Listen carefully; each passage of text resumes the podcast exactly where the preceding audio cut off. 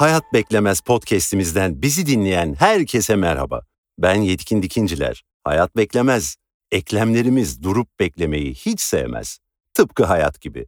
Bedenimiz tarafından engellere takılmadan hayatta özgürce hareket edebilmeniz ve eklem iltihaplanması hastalığı hakkında bilgi sahibi olmanız için bu program iyi bir fırsat olabilir.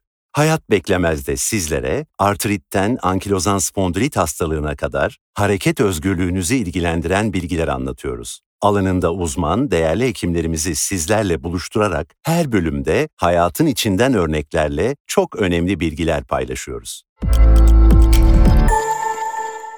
Efendim tekrar merhabalar. Hayat Beklemez podcast serimizin bu bölümünde Sayın Bünyamin Kısacık ve Sayın Yavuz Pehlivan'la birlikte olacağız. Yine merak ettiklerimizi soracağız, öğreneceğiz. Ben de sizler adına bütün içtenliğimle sorular yönlendiriyor olacağım ve umarım bu podcast serisinin sonunda da bu konular artık bizim için dert olmaktan çıkacak. Efendim hoş geldiniz Sayın Bünyamin Kısacık ve Sayın Yavuz Pehlivan. Hoş bulduk. Hoş bulduk.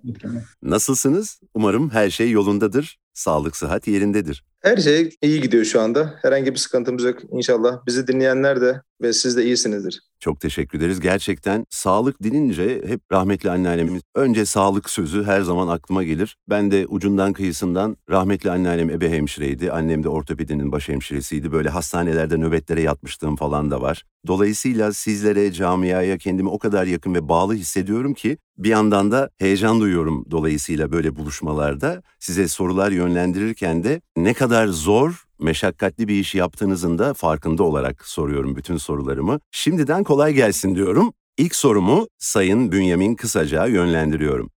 Efendim ağrısı, eklem hasarı olan PSA hastalarında yaşam kalitesi nasıl artırılır? Aslında bir çok zor bir soru bu soru. Ee, yaşam kalitesi hakikaten bizim çok üzerine durduğumuz bir konu başlığı.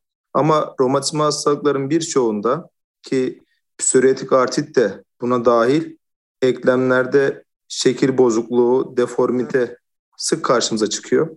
Bunların gelişmesini engellemek adına hem bize hem de hastalara aslında ödevler düşüyor. Öncelikle hastalar adına mutlaka hastalıkları hakkında bilgi sahibi olmaları gerekiyor.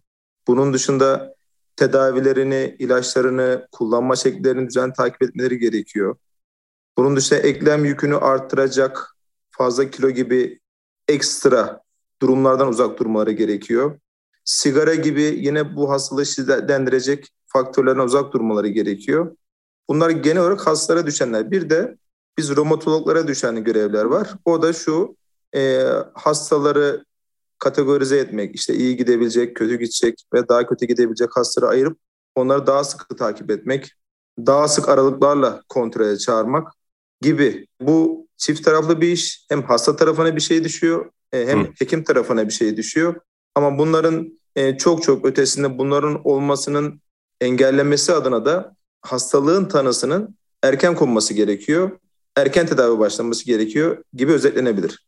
Evet, anlıyorum ki bir şikayetimiz varsa zaten zaman kaybetmememiz gerekiyor. Bu ilk cepte olan şey. Devamında da e, ben nasılsa işte doğru hekimi buldum, ona da kendimi emanet ettim. O ne derse yapacağımdan ziyade hekimimle birlikte bir yolculuğa çıkıyorum. Evet. Bu süreci birlikte götürelim, daha da güzel ve çabuk sonuç alalım anlamında. Doğru anlıyorum değil mi? Doğru anlıyorsunuz evet. Zaten bizim son kılavuzlarımız hep diyor ki hasta işin içine girsin, mutlaka tedavinin bir parçası olsun gibi en son kılavuzlarımızın böyle güzel bir önerisi var. Biz de elimizden evet. geldiği kadar bunu yapmaya çalışıyoruz. Teşekkür ederim. Efendim Sayın Pehlivan, Günler geliyor, günler geçiyor, hayat beklemiyor ama üstümüzde de mevsimler yağıyor, baharlar geliyor, kışlar geliyor, soğuk oluyor, sıcak oluyor. Acaba mevsim geçişlerinin PSA hastalığının seyrine etkisi var mıdır? Ya aslında Yetkin Bey bu soruyu çok hastalardan gerçekten duyuyoruz. Bazen hastaların bazı mevsimlerde daha kötü oldu, özellikle kış aylarında daha kötü olduğuna dair böyle şikayetler alıyoruz. Buna böyle hani literatüre de baktığımızda şöyle şeyler görüyoruz. Hani anlamlı ilişkili bazı mevsimlerde daha kötüleşme tarzında anlamlı bir ilişki bulan çalışmalar da var ama anlamlı ilişki bulmayan çalışmalar da var. Ve aslında psoriatik artrit hastalarına benzer romatoid artritle ilgili bununla ilgili çok çalışmalar söz konusu ki 12 bin tane romatoid artrit hastasının hastalık aktivitelerine farklı sezonlarda farklı ölçütlerle değerlendirdiklerinde en yüksek hastalık aktivitesi bahar ardından kış, en düşük ise sonbahar mevsiminde olduğunu görmüşler. Hı hı. Ve aslında daha önceki çalışmalarda böyle nemle ilişkili bir durumun da olabileceği, işte hava basıncının, rüzgarın etkisiyle de hastalıkta bir takım aktivasyonlar olabileceği söylenmiş. Evet. E, PSA hastaları ile ilgili de yine buna benzer çalışmalar var. Anlamlı ilişki bulan, bulmayan çalışmalar bulunmakta literatürde. Burada da baktığımızda hastaların özellikle kendi şikayetleri dinlendiğinde, hani kendi göz önüne bulundurulduğunda kış aylarında hastaların daha kötüleştiğine dair e, şikayetlerin daha ön planda olduğu. Ancak biz hastalıkları bir takım aktivite ölçütleri değerlendirdiğimizde tam olarak aslında kış aylarında kötü olmadığı, hatta bazı çalışmalarda yazın bile bu hastalık aktivitelerinin yüksek olduğunu da söyleyen çalışmalar söz konusu. Kış aylarında bu hastaların niye kötüye gittiğine dair hani bilimsel bir altyapıya bakıldığında D vitamini metabolizmasının burada önemli bir faktör olduğu söylenebilir. Çünkü D vitamini hem doğuştan hem de kazanılmış bağışıklık sistemi üzerine etkilerinin olduğu ve D vitamin metabolizmasının da deride güneş ışınlarına maruziyet sonucunda kanda seviyesinin arttığını bilmekteyiz. Ve romatoid artritle ilgili veya diğer romatizmal hastalıklarla ilgili çalışmalarda da şu görülmüş ki D vitamin seviyesi eğer düşük ise hastalık aktivitesi artıyor. Yani hastamızın kışın D vitamin seviyesi düşük kalıyorsa bu hastalık aktivitesi anlamına gelebilir. Ve bunu dediğim gibi D vitamin düşüklüğünün hücresel düzeyde de birçok etkisi görülmüş. Burada herhalde bu sorunun cevabı biraz kişiden kişiye değişmekle birlikte hani biz hekimler olarak hastaların da en azından kendi D vitamin seviyelerini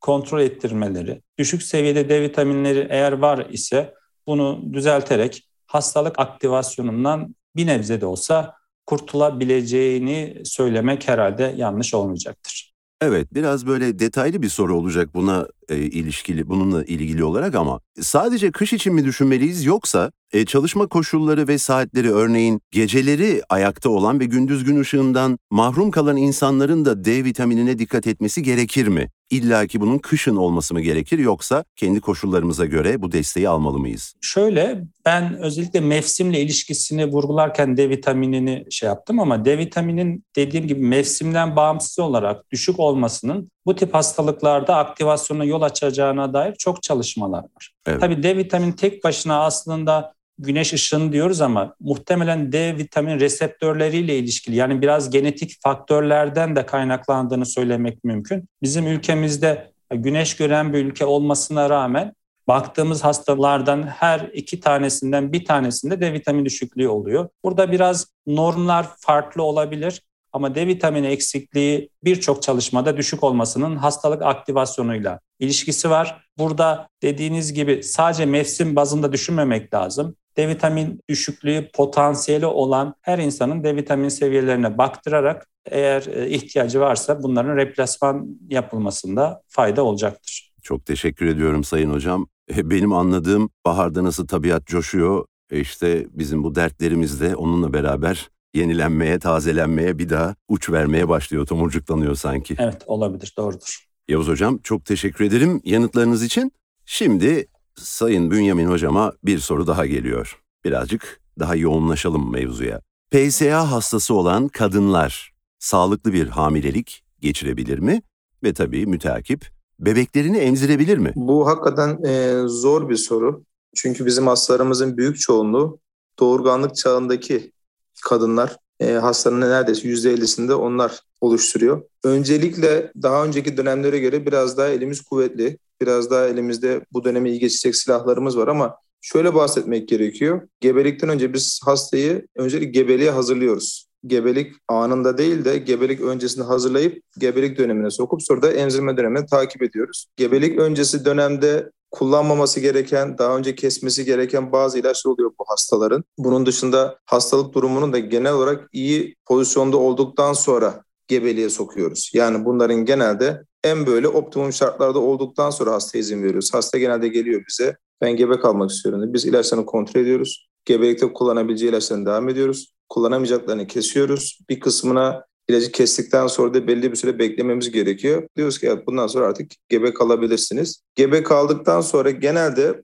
psoriatik artritte hastalığın seyri çok kötüye gitmiyor iyi bir gebelik geçiyor. Ama hastaların bir kısmında da her şey yolunda olmasına rağmen her şey birden değişebiliyor. Birden fırtına başlayabiliyor. Hmm. O zaman da e, durum tam tersine dönüyor. Gebelik sırasında bu hastaya bizim daha fazla müdahil olmamız gerekiyor. Daha fazla ilaç vermemiz gerekiyor. Az önce söylediğim gibi daha önceden elimizdeki tedavilerimiz daha kısıtlıydı. Şimdi biraz daha elimizde opsiyonumuz var gebelik sırasında kullanabiliyoruz bu ilaçları. Gebelik geçtikten sonra da doğumdan sonra da biz yine hastaları görmeye devam ediyoruz aralıklarla. Gebelik döneminde kullanabildiğimiz ilaçlar olduğu gibi gebelik sonrasında da kullandığımız ilaçlarımız bizim mevcut. Hastalığın tamamen durumuna göre hasta iyi ise biraz daha az ilaç verip bekliyoruz ama hastalık daha kötüyse biraz daha fazla ilaç veriyoruz ama hemen hemen bu üç periyotta da kullanabileceğimiz ilaçlarımız var. Evet. Tamamen hastadan hastaya değişken faktörler bunlar. Yani kimin gebelikten önce iyi, kimin gebelik sırasında kötü veya doğum sonrasında kötü olabileceğini maalesef net olarak kestiremiyoruz. Ama biz genellikle bu dönemi iyi geçirtiyoruz bu hasta grubunda. Yani çok sorun yaşamıyoruz. Peki emzirme ile ilgili bir bağlantımız var mı? Bir derdimiz tasamız olur mu? Yetkin Bey şöyle oluyor. Bazı hastalar ben hep şöyle diyorum anne adaylarına kucağına çocuğunu aldığı zaman ağrılar artmaya başlıyor. Bütün eklemleri şişiyor. Yani evet. gebelik harika geçiyor ama doğumdan hemen sonra sanki içine bir canavar kaçmışçasına bütün eklemler şişmeye başlıyor. Ama dediğim gibi o zaman da kullanacağımız ilaçlarımız var. Annelerin büyük kısmına emzirmeye izin veriyoruz ama bir kısmı da yani çok çok kötüyse de anneye rica ediyoruz. Bak bizim artık ilaç vermemiz gerekiyor. Artık seni bekleyemeyiz. Sen bizim evet. için daha önemlisin. Sen olmazsan bebeğe kim bakacak diye mutlak surette bazı anneleri çok istisnai olarak da kesebiliyoruz ama genel olarak genele düşündüğümüz zaman psoriatik artrit hastalarında gebelik emzirme dönemi genellikle iyi seyirli geçiyor. Çok böyle e, sıkıntılı olmuyor. Evet, evet. Çok teşekkür ederim. Sayın Pehlivan'a çok sert bir soru soruyorum efendim. Hazır mısınız? Buyurun. Ne demek? Rahattık. Şimdi hazır ola geçiyoruz. Neden? Çünkü PSA olan erkekler askere gidebilir mi? Yetkin Bey bununla ilgili 2016 yılında askeri personel için sağlık yeteneği yönetmeliği yayınlandı. İşte 2016'nın 10. ay 31'inde. Bu yönetmeliğe göre aslında bu kararları daha önce öncelikle şöyle söyleyelim. Askeri hastanelerde veriliyordu. Artık devlet hastanelerinde de artık bu karara hani hekimler katılabiliyor ve verebiliyor. Şimdi PSA hastaları askere gidebilir mi? Bu işin aslı hastalığın durumuna göre iki şeye bakmak gerekiyor. Bunlardan bir tanesi hastalığın aktivasyonuna göre karar vermek lazım. Eğer hastamız klinik, laboratuvar ve görüntüleme yöntemleriyle işte MR, sintigrafi gibi aktivasyon var ise askerliğe erteleniyor. Bir yıl boyunca tecil ediliyor. Hasta bir daha değerlendiriliyor. Eğer aktivasyonu geçmiş ise askere gidebilir. Evet. Bu aktivasyon haricinde bu hastalarda biz bazen özellikle ileri düzeyde etkilenmiş hastalarda deformiteler görebiliriz. Eğer hastalarımızda aktivasyon olmasa bile deformite var ise Burada da deformitenin derecesine göre işte onun çok ayrıntısına girmeye gerek yok sanırım ama işte omurgada belli bir derecenin üzerinde veya periferik eklem dediğimiz işte el ayak hangi eklem etkilenmişse belli bir dereceye kadar askerliğe gitmesinde bir sakınca yok. Ama belli bir derecenin üzerine çıktığında burada da askerlikten muaf oluyor. Çok teşekkür ederiz. Sevgili dinleyicilerimiz Programımız burada sona erdi. Yeni bir programda buluşmak dileğiyle hepinize güzel günler diliyoruz. Sağlıcakla.